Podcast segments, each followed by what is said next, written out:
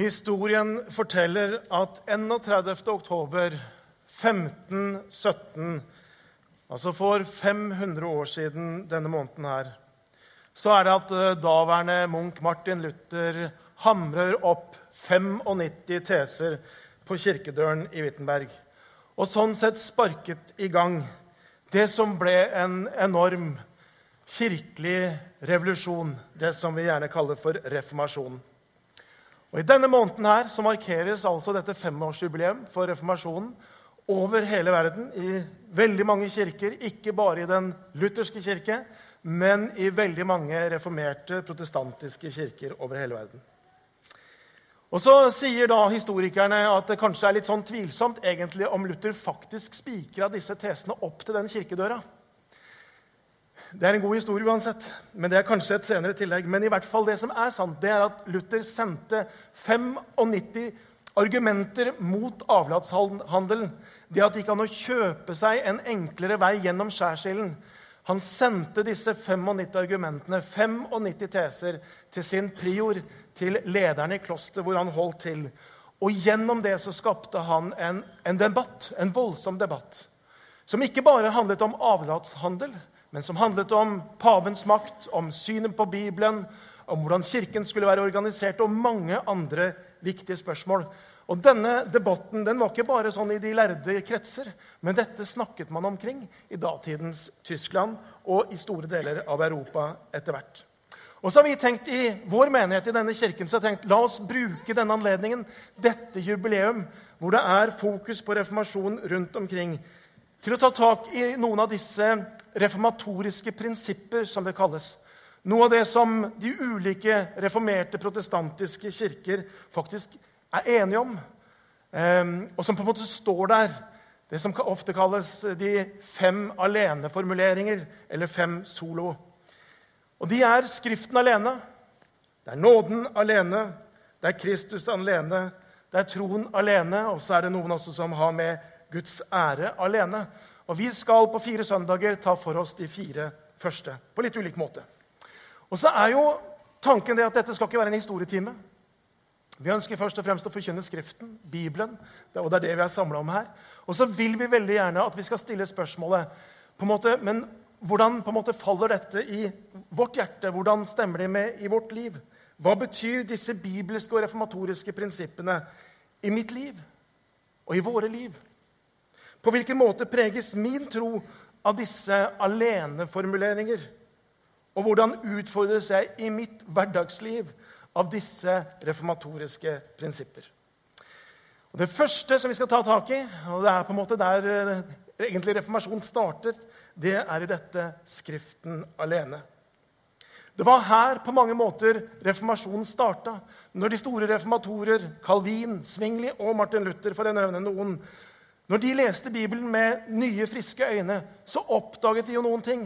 De oppdaget at noen av det vi har holdt for sant, det stemmer jo ikke helt med det som står her. De oppdaget at måten vi har organisert kirke på, det er jo ikke helt det vi finner igjen her.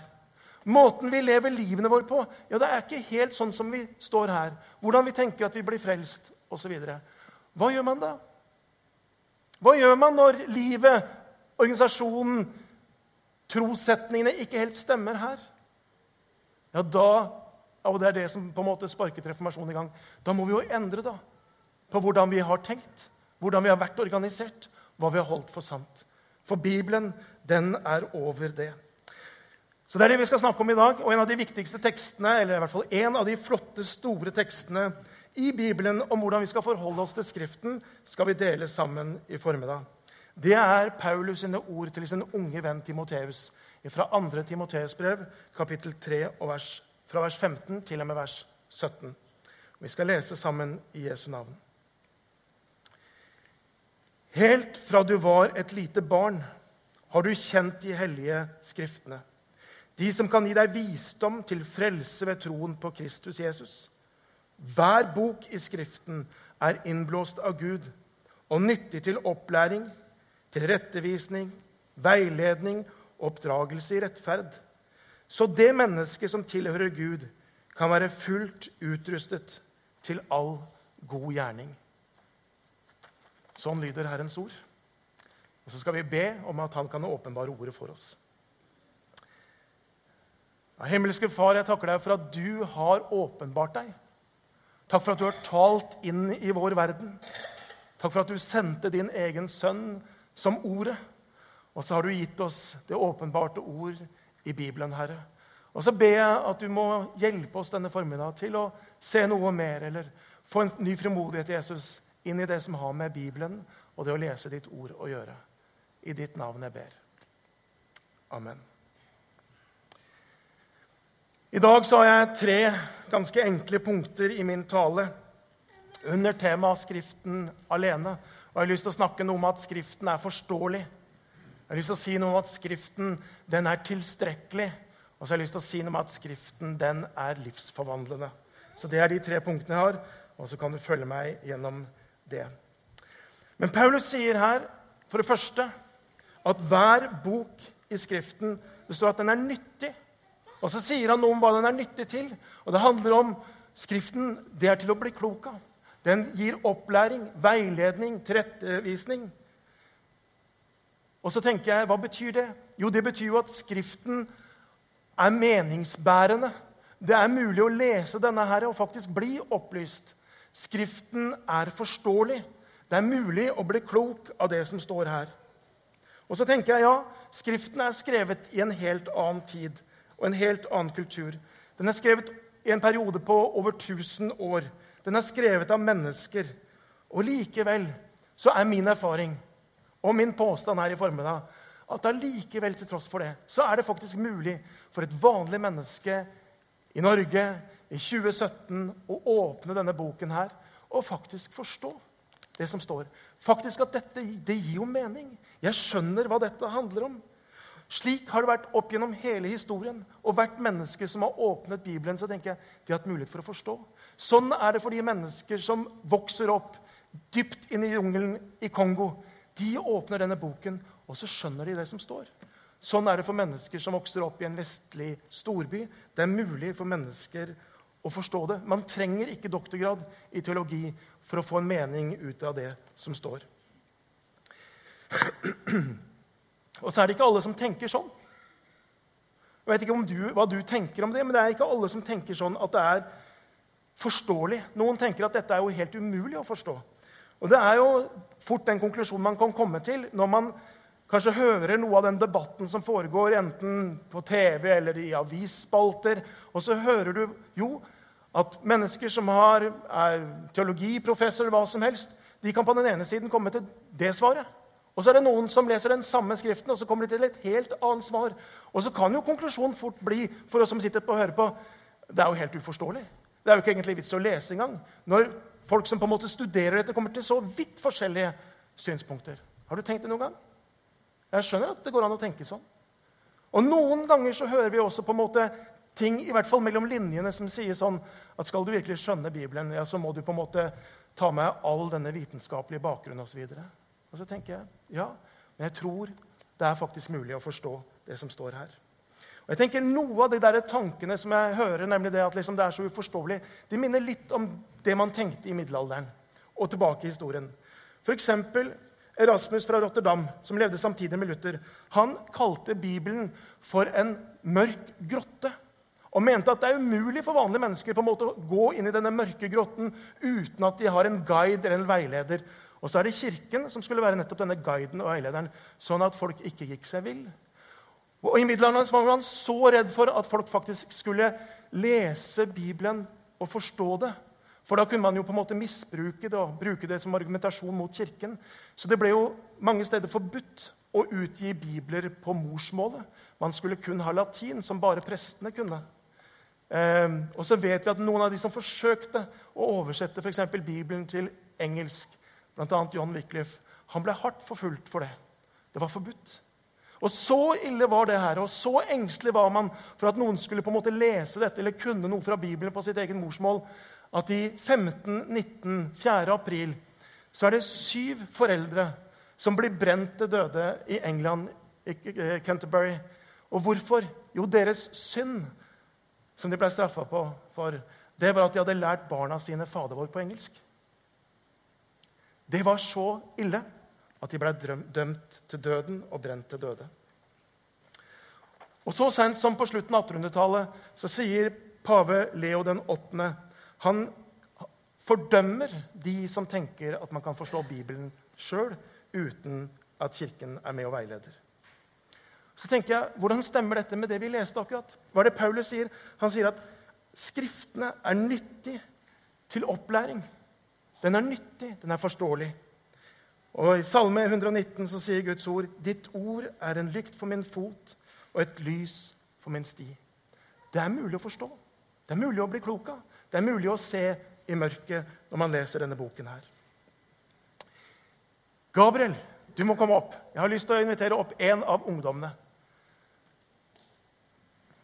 Og Gabriel han eh, er 19, 19 år.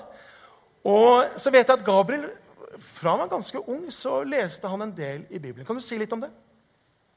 Ja. Um, fra etter jeg ble litt mer bevisst på hva jeg tenkte om forskjellige ting, så, så, tenkte jeg egentlig veldig fort at Bibelen det er en ting jeg må ha tak på. Jeg må ha de åndelige vanene. Jeg må lese Bibelen hver dag. Um, men så gikk det litt tid. Faktisk et år. Um, jeg klarte liksom ikke å komme helt inn i det. Um, men så, etter, etter Hilson Conference i, i 2015, så, så, kjente jeg bare så utrolig på det der at nå må jeg bare sette i gang. Uh, og da begynte jeg fra rombrevet uh, og begynte å lese utover. Og det har betydd utrolig mye for min del. Um, ja, de siste par årene da, spesielt.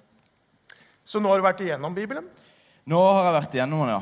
I hvert fall én gang? Ja, i hvert fall en gang, ja. Snart to? Ja. ja. Det er bra. Og så har jeg lyst til å spørre, deg, Når du begynte å lese, da var du 16 år? 16-17, ja. 16-17. Mm. Eh, skjønte du det du leste? Var det forståelig?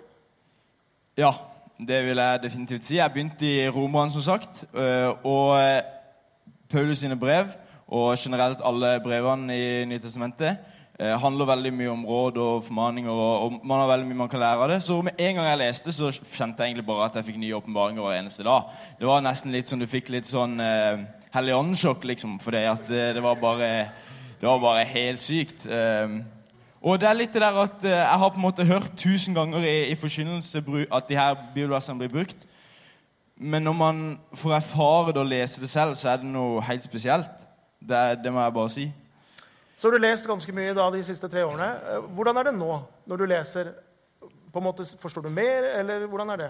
Ja, eh, eh, Man får jo på en måte dypere innsikt i de forskjellige skriftene.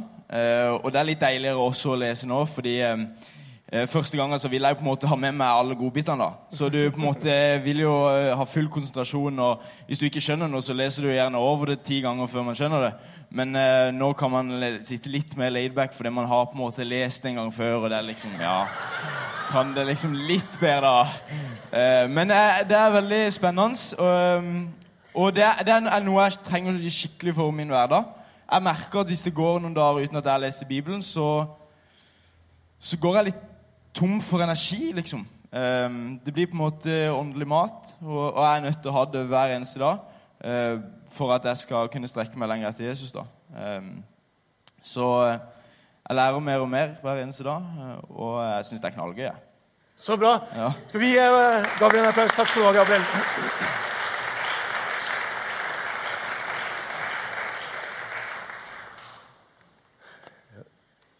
Det er bra, Gabriel. Jeg hadde bare lyst til å ta opp Gabriel fordi jeg hadde lyst til å på en måte understreke det poenget. Nemlig det at Bibelen er det mulig å forstå, også når du er 16 år. Og så har Gabriel lært noen ting opp igjennom, ikke sant? så han har noen knagger å henge ting på. Men jeg møter ofte voksne mennesker, menn på min egen alder, som sier at 'jeg skjønner ingenting av det'.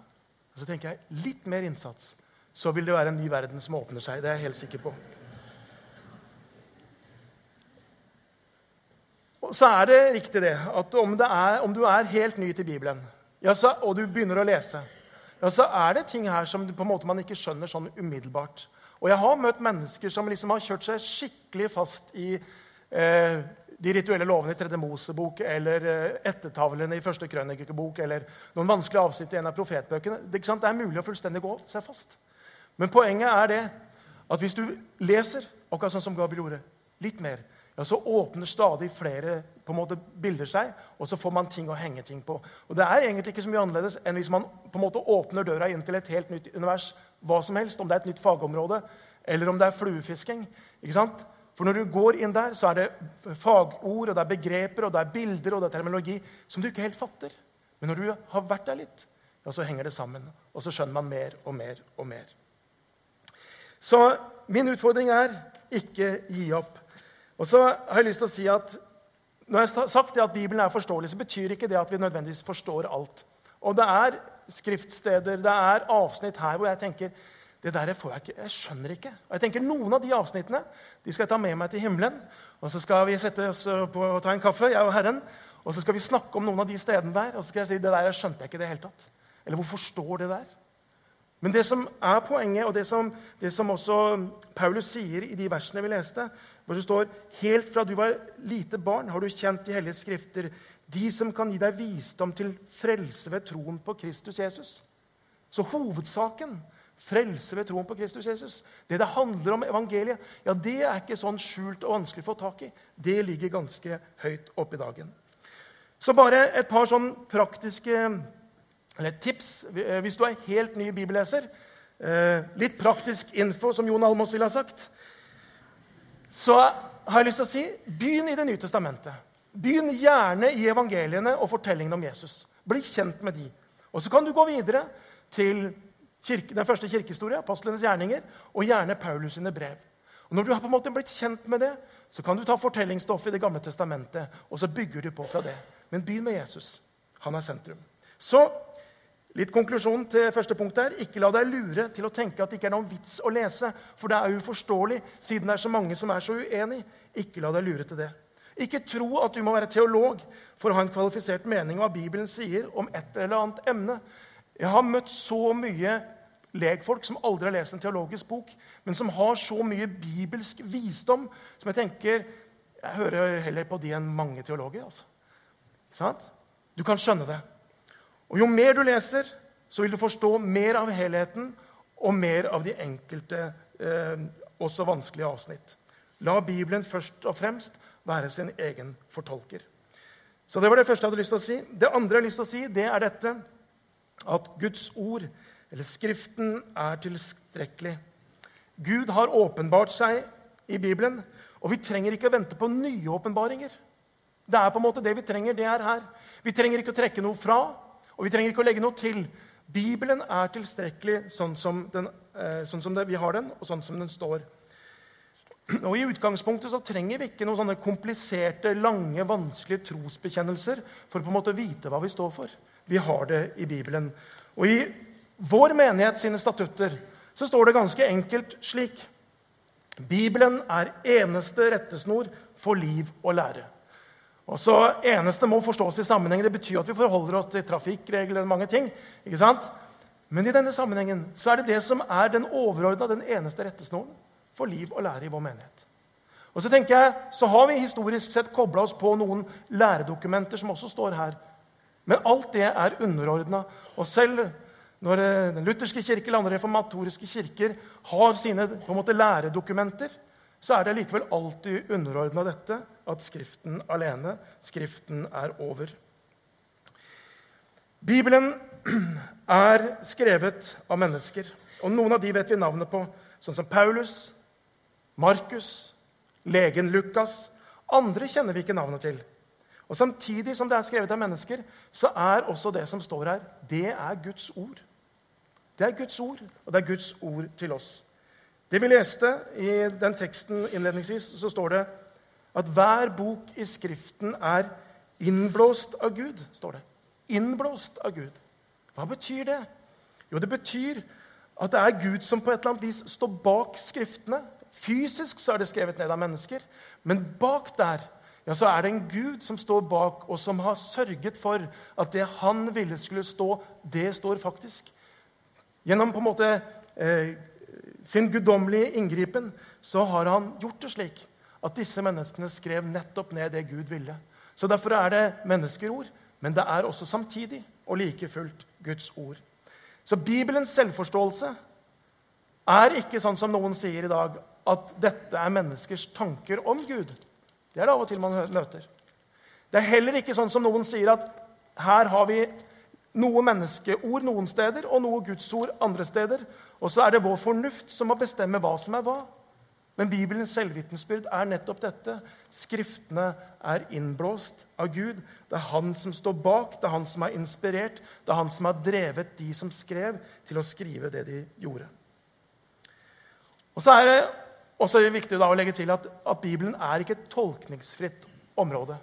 Det er sånn at Jo mer vi vet om den historiske situasjonen, jo mer vi vet om hvem som har skrevet, jo mer vi vet om hvem det er skrevet til, jo mer vi vet om på en måte hva dette handler om, jo mer og jo enklere er det også å forstå Bibelen.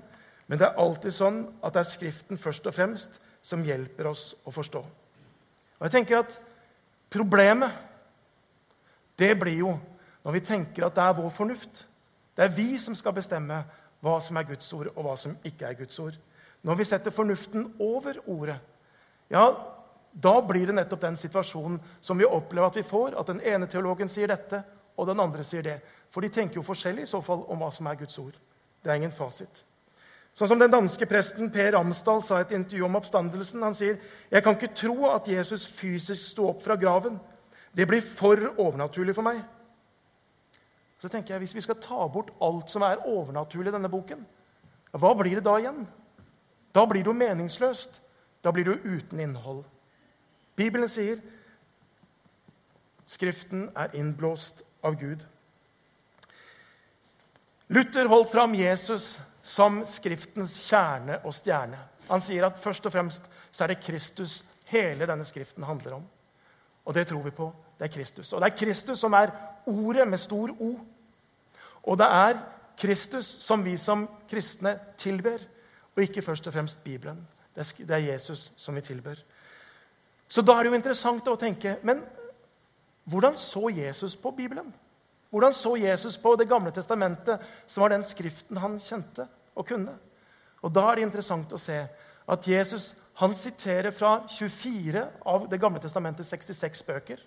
Jesus siterer fra hele, på en måte alle typer skrifter i Det gamle testamentet. Og Når vi leser Jesu og hvordan han siterer, så skjønner vi at Jesus tenker at dette er Guds ord. Det er Gud som taler gjennom disse tingene. Og i en svært krevende situasjon hvor han, eh, hvor han står i fare for å bli steina, så forsvarer Jesus seg med å bruke Skriften. Og så avslutter han på en måte sine argumenter med dette sitatet her, Johannes 10, 35, hvor han sier Skriften kan ikke settes ut av kraft. Hva mener han med det? Jo, Han mener at Skriften den er gyldig. Det er på en måte som en avtale eller som en testamente. Den er gyldig. Den kan ikke settes ut av kraft.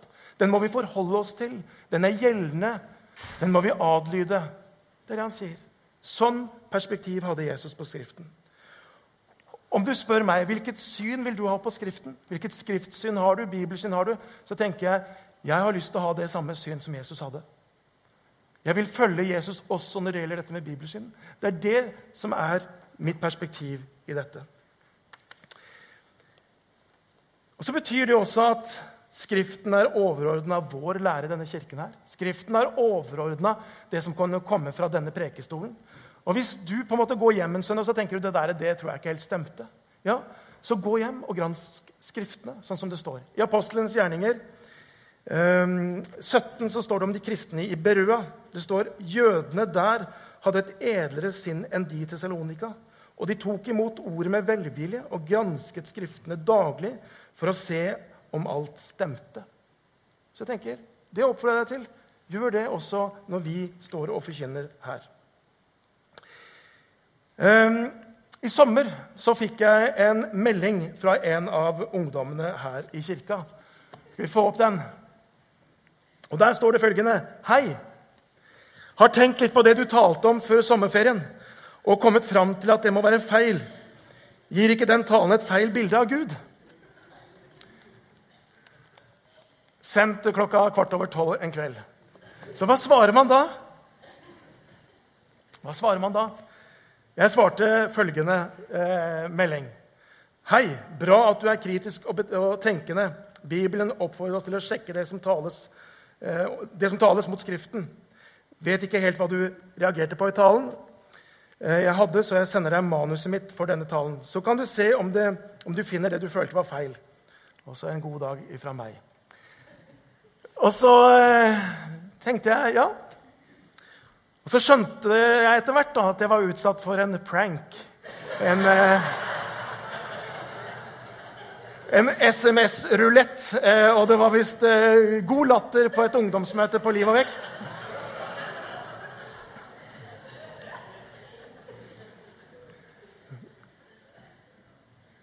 Og så tenker jeg likevel, men om det hadde vært sant, ja, så syns jeg det hadde vært en god ting. Ja, det hadde vært en god ting. Hvis noen gikk hjem og granska Skriftene etter å ha hørt en tale her, så tenker jeg det hadde vært bra. Fordi at Skriften er tilstrekkelig. Og det er Skriften som må over vår fornuft og også vår kommunikasjon. Så takk skal du ha, du ungdom, som sendte meg den. Og moralen er, ungdommer hvis dere spøker med meg, så blir det en preken-illustrasjon eh, etterpå.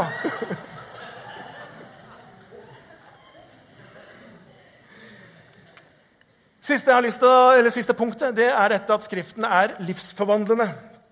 Det jeg har lyst til å peke på. Og Det er jo nettopp det som eh, denne teksten som vi har vært innom flere ganger i dag, fra 2. Timoteus brev, peker på. Det står det at eh, Skriften den er nyttig til å gi visdom til frelsen ved troen på Jesus Kristus. Det er det ene. Og For det andre så er den også nyttig til opplæring, til rettevisning, veiledning, oppdragelse, rettferd, så det mennesket som tilhører Gud, kan være fullt utrustet til all god gjerning. Så den fører oss både inn i det møtet med Jesus Kristus, hvor vi mottar hans frelse, og så fører det oss også videre på veien til både at vi kan eh, vokse, at vi kan bli utrusta, at vi kan bli oppmuntra, at vi får det vi trenger. Og I møte med Guds ord, ved å lese det, så er det så mange historier om mennesker som har faktisk fått et nytt liv eh, og blitt frelst. Og En av de historiene som jeg husker, som jeg leste for veldig lenge siden, på 90-tallet en gang, i det der bladet som Bibelselskapet gir ut, og som jeg på en måte har båret med meg siden, eh, det var en historie om en, bibel, eh, en som jobba i Bibelselskapet i Zimbabwe. Og så er han personen her han er da rundt omkring for å dele ut Nytestamenter. Og Så kommer han til en landsby litt langt utenfor allfarvei. og Så prøver han å gi et Nytestamente til en av landsbylederne der. Og Så sier denne lederen nei, det vil jeg ikke ha. ikke Det hele tatt. Det er farlig for mennesker. Det forurenser mennesker, sa han. Og Så har de en samtale, og så til, til, sier denne bibelutdeleren kan du ikke ta det. da? Og så ser han eh, eh landsbylederen på det, og så ser han på siden og sier han, jeg kan jo få det hvis jeg kan få lov til å rulle bibelsidene til sigarettpapir. Det var sånn fint eh, papir. Og Så sier denne bibelutdeleren ja, ok, hvis du kan få dette, og så kan du få lov til å lage sigaretter av det på en betingelse. At du leser det først. Og Så forlot de hverandre, og så gikk det noen år, og så var denne bibelutdeleren tilbake i litt samme område. Og der, på, etter en gudstjeneste, så møter han da denne personen, og så sier han, da er han fint kledd, og sånn, og så sier han 'Husker du meg igjen?' Så har de en snakk, og så skjønner han hvem den er. Og så sier denne landsbylederen følgende. Han sier, 'Vel, jeg røykte meg gjennom Matteus og Markus og Lukas.' 'Jeg begynte på Johannes.' Men så kom jeg til Johannes kapittel 3, vers 16 og leste.: For så høyt har Gud elsket verden, at han ga sin sønn den enbårne, for at hver den som tror på ham, ikke skal gå fortapt, men ha evig liv. Da var det som et lys begynte å skinne på ansiktet mitt. Jeg så faktisk lyset, og nå er jeg en aktiv kirkegjenger, sier denne mannen. Og sånn er det Guds ord er. I møte med Bibelen så forvandler menneskers liv. Og jeg er sikker på at det er mange historier her i denne forsamlingen om nettopp det. Og en som delte en slik historie med meg på mail denne uka her, det er Cecilie Beckmann Hansen. Kunne ikke være sammen med oss i dag, men hilser. Men hun skriver følgende det var det året jeg fylte 19, i 1984. Jeg var agnostiker og hadde mange diskusjoner med kristne om Gud og Bibelen. Hele boken er jo full av eventyrfortellinger. Et skriftsted som jeg hadde bitt meg ekstra merke i, og som jeg ofte bygga min argumentasjon mot de kristne på, var i Åpenbaringsboken kapittel 13 og vers 15-18, hvor det står om at dyret skulle sørge for at alle som ville kjøpe og selge, fikk et merke på hånda eller panna. Og hennes tanke var for noe sprøyt, for noe tull. Senere samme år, altså i 1984, så leste jeg en artikkel om teknologi. Og om at vi kunne snart få et kontantløst samfunn. Minibankkortet hadde akkurat kommet. Og så sto det der om hvor mye sikrere det ville vært hvis alle fikk et merke eller en chip på hånden eller i pannen. Ja. Der og da ble det for meg på mange måter bevist at Bibelens 200 år gamle tekst ikke var eventyr likevel.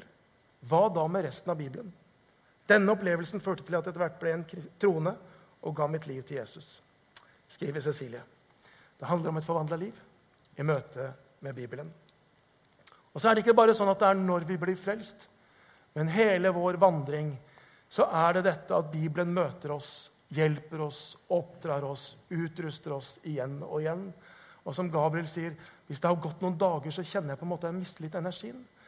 Sånn er det Bibelen virker på oss og kan møte oss til trøst, til oppmuntring på så mange ulike måter. Og en historie til som jeg fikk på mail, og jeg etterspurte noen historier, fikk jeg fra Margrethe Nordenborg, eh, som fortalte, eller som skriver om en opplevelse hun hadde. Hun sier jeg har alltid regna meg som kristen. Jeg har vokst opp i, med kristne foreldre og besteforeldre. Men de siste tre-fire årene opplever jeg at Guds relasjon min har fått en ny dimensjon. Jeg ser, selv, jeg ser selv at det er, har en klar sammenheng med at jeg i løpet av disse årene har brukt mer tid i Guds ord enn tidligere. Så mer tid i Bibelen har gjort at hun kjenner at relasjonen er annerledes, en ny dimensjon. Og så forteller hun i denne mailen her om en situasjon som ble vanskelig for henne. Og for Hun kjenner seg så uendelig liten og avkledd. Og så ber hun helt konkret om å få en hilsen fra Gud, et ord fra Hans ord, inn i den situasjonen. Og så skriver hun videre.: På gudfeldig vis, slik jeg har fått gjentatte ganger, blar jeg opp i Bibelen og leser det ordet jeg kjenner Gud leder meg til. Og nettopp dette verset det på en måte har formuleringer og er på en måte gitt på en sånn måte at hun skjønner at det er midt inni den situasjonen hun står i. Og så sier hun verset ga meg fred og ro og fylte meg med undring. Hvorfor er det sånn? Jo, fordi Bibelen er en levende bok.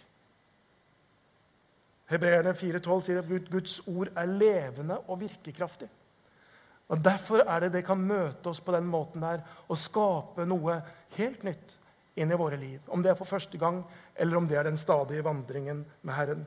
For Guds ord er levende og virkekraftig og skarpere enn noe tveget sverd. Sånn er det Guds ord virker. Guds ord er livsforvandlende. Eh, og En av de stedene i Bibelen hvor jeg syns uttrykker det uendelig vakkert, og som jeg skal gi deg i dag på tampen av talen, er Salme 19, vers 8-9, hvor det står følgende Herrens lov er fullkommen, den fornyer livet. Herrens vitnesbyrd står fast, det gir den uvitende visdom. Herrens påbud er rette, det gjør hjertet glad. Herrens bud er klart, det gir øyet lys. Skriften den er forståelig, den er tilstrekkelig, og den er også livsforvandlende. Fornyer livet, gjør uvitende, gjør, gir uvitende visdom, gjør hjertet glad, gir øyelys. Og Så er det også min opplevelse i mitt møte med Guds ord. Hva er det vi snakker om i dag? Vi snakker om Skriften alene. Og spørsmålet som vi stiller, er det et område hvor vi også trenger en reformasjon. En tilbakevending til ordet. Kanskje har du latt Bibelen ligge en stund fordi du har på en måte latt deg lure til å tenke at jeg forstår det ikke likevel. Så er mitt oppfordring ta tak i det igjen. Og så vil du oppleve at jo mer du leser, jo mer åpner seg i det universet og i det landskapet. Om du har kjent på tvil liksom, Er det virkelig Guds ord? Eller hvordan, eller hvordan, skal jeg vite eventuelt hva som er det, og hva som ikke er det? Så jeg har lyst til å si se på Jesus. Se hva han sier. Skriften kan ikke settes ut av kraft. Ha det bibelsynet som han har, og stol på at det som står her, det er faktisk Guds ord. Om du er gitt opp fordi du har kjent liksom over tid at du har ikke fått noe, så har jeg lyst til å si det at denne livsforhandlingen som vi snakker om, det er ikke alltid de store opplevelser, men det er den der daglige rytmen som gjør noe med deg over tid, som det ikke er så lett å oppdage. Men når du gjør det over tid, så skaper det noe nytt i ditt liv. For Guds ord det er nettopp levende og virkekraftig. Og så er et poeng helt til slutt, og det er at i dette med å lese Skriften så er vi heller ikke aleine. Fordi Jesus han har lova oss sin Hellige Ånd, som skal veilede oss til sannheten, og som kan hjelpe oss å forstå. Så når du leser, så kan du også stole på at Han som har lovet å være med deg alle dager inntil verdens ende, han er også med deg i det.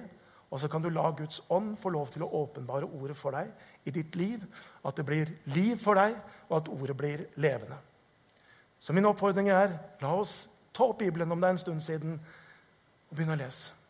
Og la Gud få lov til å gjøre sitt verk i deg. Skal vi be.